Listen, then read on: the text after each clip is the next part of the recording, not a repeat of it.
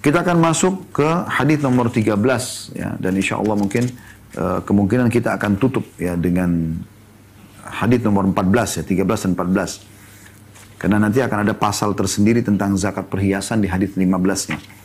Hadis ke-13 dengan sanad sahih urutan 766 dari awal belajar berbunyi dari Abdullah bin Mas'ud radhiyallahu anhu dia berkata, "La yuqwa rajulun bikanzin fayamassu dirhamun dirhaman wala dinarun dinara." Yuwassa'u jilduhu hatta yudha'u kullu dinarin wa dirhamin ala hidat ala hidatihi. Seseorang yang menyimpan harta yang tidak dizakatkan, tidaklah disetrikakan dengan hartanya itu di mana tiap dirham menyentuh atau menumpuk di atas dirham yang lain. Tiap dinar menyentuh, menumpuk di atas dinar yang lain, tapi kulitnya diperluas sehingga setiap dinar dirham diletakkan berjejer masing-masing sebanyak jumlahnya diriwayatkan oleh At-Tabarain dan Al-Mu'jamul Kabir secara mauquf dengan sanad sahih. Mauquf artinya hanya sampai kepada sahabat. Hadis ini tidak lepas daripada penjelasan kita yang lalu ya, bahwasanya nanti orang-orang yang tidak membayar zakat hartanya, selain penjelasan tentang menjadi ular botak yang berbisa, juga ada penjelasan di hadis yang lain itu akan dirham dan uh, apa perak dan uh, emasnya juga hartanya dijadikan seperti itu lempengan-lempengan api pada hari kiamat yang akan disetrikakan di lambung mereka, di dahi mereka dan di punggung mereka. Setiap kali dingin dipanaskan lagi kembali. Di hari kata Nabi SAW lamanya 50 ribu tahun. Terus begitu. Hadis ini seperti itu. Ya. Kalau ada yang mengatakan Ustaz, lempengannya sebesar apa? Kan saya menjadi kaya raya, saya 70 tahun misalnya. Maka hadis ini menjelaskan. Ya, tidak disetrikakan kata Nabi Shallallahu Alaihi Wasallam. Ya. Harta yang tidak dizakatkan itu, di mana tiap dirham menyentuh ya, dirham yang lain atau dinar menyentuh atau menumpuk di atas dinar yang. Jadi, jadi bukan ini e, dinar emas di atasnya dinar emas, dinar emas ditumpuk-tumpukin jadi lempengan nanti besar. Enggak, di, di, di, diurut satu sama lain bersebelahan uang itu, harta itu. Sebanyak, selebar apa pun, seluas apa pun dia, maka di sini dikatakan oleh Nabi Wasallam, kecuali kulit dia nanti dilebarkan, tubuhnya dilebarkan sampai bisa menampung seluruh harta tersebut. Masing-masing dirham dan dinarnya itu punya tempat di tubuhnya yang dipanaskan menjadi lempengan-lempengan. Ya. Sehingga sini dikatakan yuwassa'u jilduhu hatta yudha'u dinarin wa dirhamin ala hidatihi. Maka akan diluaskan ya, kulitnya sehingga setiap dinar dan dirham itu diletakkan berjejer masing-masing sejumlah banyaknya. Berapa banyak pun. Dan masih ingat juga ini mirip dengan zakat hewan ya. Bagaimana orang kalau tidak mengeluarkan zakat untanya, sapinya, untahnya, eh, kambingnya, maka unta itu akan datang hari kiamat, ya kemudian di padang yang tandus, orang itu didudukkan oleh Allah Subhanahu wa taala, lalu unta itu misalnya dia punya seribu unta. Unta yang pertama menggigitnya dan menginjaknya, kemudian pergi. Unta yang kedua, unta yang ketiga sampai seribu. Setelah selesai, yang nomor seribu itu kembali menjadi nomor satu, menggigit dan menginjaknya sampai nomor satu kembali lagi. Terus begitu, kata Nabi SAW di hari lamanya 50 ribu tahun. Begitu juga dengan sapi dan domba yang tidak dizakatkan karena tiga jenis hewan ini yang dizakatkan dari jenis hewannya bukan uang yang dikeluarkan ya. Beda kalau Anda punya jenis-jenis hewan yang kayak, kayak ayam dan segala macam itu modalnya saja dimasukkan dalam zakat harta secara umum. Tapi tiga jenis hewan ini harus keluar zakatnya dari jenis hewan itu sendiri. Kalau tidak dikeluarkan, maka sapi akan didatangkan semuanya bertanduk, ya tidak ada yang patah, tidak ada yang retak dan runcing. Begitu juga dengan domba, misalnya ada seribu ekor, maka akan menanduknya dan menginjaknya. Nomor satu, nomor dua, nomor tiga, sampai nomor seribu. Setelah seribu selesai, yang seribu ini kembali menjadi nomor satu, tanduk, dan kemudian injak dia terus sampai nomor satu itu tadi. Selesai terus begitu. Di hari kata Nabi SAW, 50 ribu tahun. Dan ini siksaan yang luar biasa. Hanya untuk menumpukan harta untuk apa?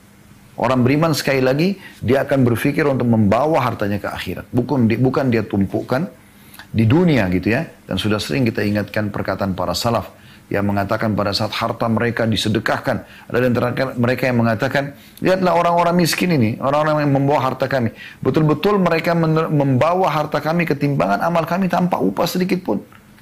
Mungkin orang berpikir, oh tapi kan dia terima, dia beli makanan. Iya, makanan dan minuman dia beli, tapi nilai yang kita keluarkan, misalnya satu juta rupiah, tidak akan berkurang. Walaupun dia pakai makan, dia pakai minum, Allah tetap akan memberikan satu juta, bahkan dilipat gandakan menjadi 10 dan sampai 700 kali lipat. Jadi pelajaran yang bisa kita ambil dari hadis ini adalah beratnya siksaan orang yang tidak menzakati hartanya dan siksaan tersebut adalah tubuhnya akan dibesarkan pada hari kiamat dan kemudian akan diletakkan semua ya per dirham dan dinar dari uang dia di tubuhnya sehingga tubuhnya akan dipenuhi dengan harta dia menjadi lempengan-lempengan api yang membakar tubuhnya. Dan ini juga dikuatkan dengan hadis yang pernah kita bahas di masalah uh, ahli neraka ya. Kata Nabi SAW akan ada dari umatku, dari umat Islam karena banyak yang dosanya, naudzubillah. Gitu kan? Yang gigi yang tubuhnya memenuhi sepertiga ya, api neraka. Atau salah satu sudut api neraka maaf. Salah satu sudut api neraka saking besarnya tubuhnya. Agar lebih mudah untuk disiksa ya. Kami pernah berikan penjelasan itu ya. Kenapa orang kafir atau orang ahli maksiat di neraka dibesarkan tubuhnya? Agar setiap sudut tubuhnya akan merasakan sakitnya. Kalau kita ingin memukul memukul perut semut susah sekali karena kecil tubuhnya tapi kalau kita ingin memukul perut gajah kita bahkan bisa memukul e, titik tertentu yang kita inginkan karena besarnya perutnya. Maka seperti itu sebab kenapa mereka dibesarkan tubuhnya Allahu alam. Dengan sanad sahih urutan 767 dari awal belajar berbunyi dari Al-Ahnaf bin Qais dia berkata Jalastu ila mala'in min Quraisy faja'a rajulun khashinu sya'ri wath-thiyabi wal hay'a hatta qama alaihim fasallam thumma qala bashiril kanizina برضف, برضف يحمى عليه في نار جهنم. ثم يوضع على حلم حلمة ثدي أحدهم حتى يخرج من نضغ من نضغ نضغ كاتفه. ويوضع على نضغ نضغ كتفه حتى يخرج من حملة ثديه يتزلزل. ثم ولى فجلس إلى سارية وتبعته وجلست إليه وأنا لا أدري من هو. فقلت له لا أرى القوم إلا قد كرهوا الذي قلت. قال اللهم لا يعقلون شيئا. قال إنهم ما سأقول قال إنهم لا يعقلون شيئا. قال لي خليلي قلت من خليلك؟ قال النبي صلى الله عليه وسلم. dalam kurung ya Aba Dhar atubsiru uhud atubsiru uhudan atubsiru uhudan qala فنظرت إلى الشمس ما بقي من النهار.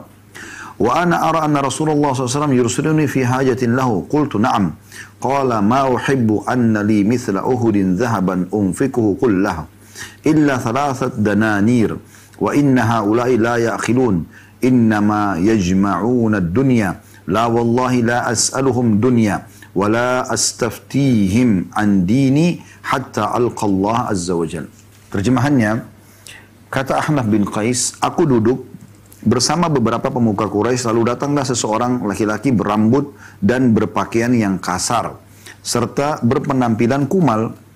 Dia berdiri di hadapan mereka, di hadapan orang-orang Quraisy dan memberi salam kepada mereka. Lalu dia berkata, sampaikan berita kepada orang-orang yang tidak membayar zakat harta mereka bahwa mereka akan disetrika dengan batu panas di neraka jahanam Kemudian batu itu akan diletakkan di puting susu salah seorang dari mereka sehingga ia keluar dari tengah pundaknya. Dan ia diletakkan di tengah pundaknya sehingga ia keluar dari puting susunya dengan bergejolak atau mendidih. Kemudian orang itu beranjak dan duduk bersandar ke sebuah tiang atau pohon. Aku lalu mengikutinya dan duduk di depannya, sementara aku belum tahu siapa dia.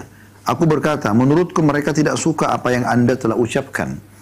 Maka orang itu berkata, mereka tidak mengerti sama sekali. Kekasihku berkata kepadaku. Lalu aku berkata kepadanya, siapa kekasih anda? Dia berkata, Nabi SAW. Nabi pernah ya, berkata, wahai Abu Dhar, dan ternyata orang ini adalah Abu Dhar, apakah kamu melihat Uhud? Maka dia berkata, lalu aku melihat kepada matahari yang tersisa dari siang hari. Sementara aku menduga bahwa Rasulullah SAW mengutusku untuk suatu keperluan. Aku menjawab, iya aku melihat Uhud. Beliau bersabda, aku tidak ingin memiliki emas sebesar Uhud, melainkan pasti aku infakkan seluruhnya kecuali tiga dinar. Sungguhnya mereka itu tidak mengerti, mereka hanya mengumpulkan dunia. Tidak demi Allah, aku tidak meminta dunia kepada mereka dan aku tidak meminta fatwa kepada mereka tentang agama sehingga aku menghadap kepada Allah Azza wa Jal. Hadis ini riwayatkan Bukhari dan Muslim dan dalam riwayat milik Muslim berbunyi Bashiril kanizina bikay fi zuhurihim yakhruju min junubihim wa bikay min kibali akfaihim yakhruju min jibahihim. Qala thumma tanahha faqad qala qultu man hadha? Qalu hadha Abu Dharr. قال فقمت إليه فقلت ما شيء سمعتك تقول قبل أتو قبيل. ما شيء سمعتك تقول قبيل؟ قال ما قلت إلا شيئا قد سمعت من نبيهم صلى الله عليه وسلم. قال قلت ما تقول في هذا العطاء؟ قال خذه فإن, في فإن فيه اليوم معونة فإذا كان ثمنا لدينك فدعه. Sampaikan berita ini riwayat Imam Muslim ya. Sampaikan berita gembira kepada orang-orang yang tidak membayar zakat. Sampaikan berita ancaman kepada orang-orang yang tidak membayar zakat. Bahwa punggung mereka akan disetrika sampai tembus keluar dari lambung mereka. Dan disetrika dari tengkuk mereka sam sampai keluar dari kening mereka. Lalu orang itu berkata, lalu Abu uh, uh, Ahnaf mengatakan, lalu orang itu bergeser ke samping dan duduk. Dia berkata, atau ditanyakan kepadanya, siapa orang ini? Ahnab bertanya kepada orang-orang, siapa orang ini? Maka mereka menjawab, itu adalah Abu Dhar. Maka Ahnab mengatakan, aku menghampiri dan berkata, apa yang baru saja anda katakan tadi, yang mana aku mendengarkannya? Maka Abu Dhar mengatakan, aku hanya menyampaikan atau mengucapkan apa yang aku dengar dari Nabi mereka, Sallallahu Alaihi Wasallam. Lalu Ahnab mengatakan, ya, apa pendapat anda tentang pemberian ini? Maka dia menjawab, ambillah karena pada hari ini itu bisa membantu. Jika itu adalah harga bagi agamamu maka tinggalkanlah. Kedua riwayat ini teman-teman sekalian riwayat yang cukup panjang menjelaskan tentang hukuman sekali lagi bagi orang yang menolak membayar zakat. Kita coba masuk rinciannya dulu. Al-Ahnaf bin Qais lebih tepatnya dia adalah seorang sahabat Nabi. Seorang sahabat Nabi ya. Ya, karena memang ada riwayat yang menjelaskan Nabi SAW pernah berkata kepada Ahnaf bin Qais, ya, kalau uh, apa ada dua per, ada dua hal yang ada dalam dirimu dicintai oleh Allah Subhanahu Wa Taala, al-hilmu wal anat, maksudnya kedewasaan dan ketenangan ji, di, diri gitu ya, tidak buru-buru dalam mengambil keputusan. Maka kata Ahnaf, apakah itu Allah bebankan padaku? Ya, Allah berikan aku atau memang aku usahakan kata Nabi SAW Allah berikan kepadamu. Uh, jadi di sini pada saat dia menceritakan tentang seorang sahabat yang lain yang dia anggap dia belum pernah bertemu yaitu Abi Dzar radhiyallahu anhu. Abi Dzar al-Ghifari adalah sahabat Nabi yang tinggal di sukunya suku Ghifar ya. Dan dia masuk Islam di tangan Nabi SAW di fase Mekah. Kemudian setelah itu dia pulang ke kaumnya. Cukup lama sekali. Setelah sekian lama Nabi SAW hijrah di Madinah baru beliau datang. Jadi memang ada kemungkinan Al-Ahnaf tidak mengenalnya walaupun sama-sama dengan sahabat Nabi. Ini kemungkinan ya. Baik kita masuk teman-teman sekalian. Ahnaf menceritakan, dia bilang saya pernah di Mekah setelah Nabi SAW meninggal. Mekah sudah dikuasai oleh kaum muslimin. Ada sebagian orang-orang Quraisy lagi duduk dan ada satu orang berdiri. Ya. Lalu kemudian berbicara pada mereka. Dan penampilan orang ini sederhana sekali. Ya. Di sini digambarkan ya, dia berambut dan berpakaian kasar, kemudian sedikit agak kumal ya ini penampilan Abu Dhar radhiyallahu anhu. Maka Anda mengatakan orang itu berdiri maksudnya Abidar menceritakan kepada orang Quraisy. Mengatakan sampaikan berita ancaman kepada orang-orang yang menolak bayar zakat bahwasanya akan diletakkan di puting mereka batu yang panas dari. Harta mereka itu yang saking panasnya menembus ke punggungnya. Dan diletakkan di punggungnya menembus ke putingnya bagian depan. Itu saking panasnya batu itu ya. Kemudian setelah itu dia pun meninggalkan majelis itu. Kemudian dia bersandar di sebuah pohon. Lalu kata Ahnaf, saya datang kepadanya lalu saya tanyakan. E, sepertinya orang-orang tadi tidak suka dengan apa yang anda ucapkan. Kata Abidar, mereka tidak faham. Saya hanya menyampaikan apa yang Nabi mereka telah sampaikan. Maka disampaikanlah hadis tersebut kepada uh, orang ya. Uh, Abidar sampaikan hadis itu kepada uh, Al-Ahnaf bin Qais yaitu satu hari pernah saya duduk bersama Nabi SAW dan Nabi mengatakan apakah kau lihat Uhud? Ya, maksudnya masih kau lihat Uhud nggak gitu? Karena di kota Madinah itu Uhud terlihat sekali ya. Sampai sekarang pun sudah ada building-building besar, Uhud terlihat gitu. Maka kata Nabi SAW kepada Abidhar, Abidhar menceritakan kepada Ahnaf bin Qais ya, yang menanyakan kepada dia. Kata Abidhar, saya pernah duduk bersama kasihku Rasulullah SAW, dan Nabi bilang, apa kau lihat Uhud? Hai Abidhar, Abidhar mengatakan, e, saya pikir waktu itu Nabi tanya karena Nabi ingin menyuruh saya sesuatu. Ya, ingin menyuruh saya membeli hajat, ada hajat yang beliau inginkan. Karena kalau Uhud masih nampak berarti masih terang, ya.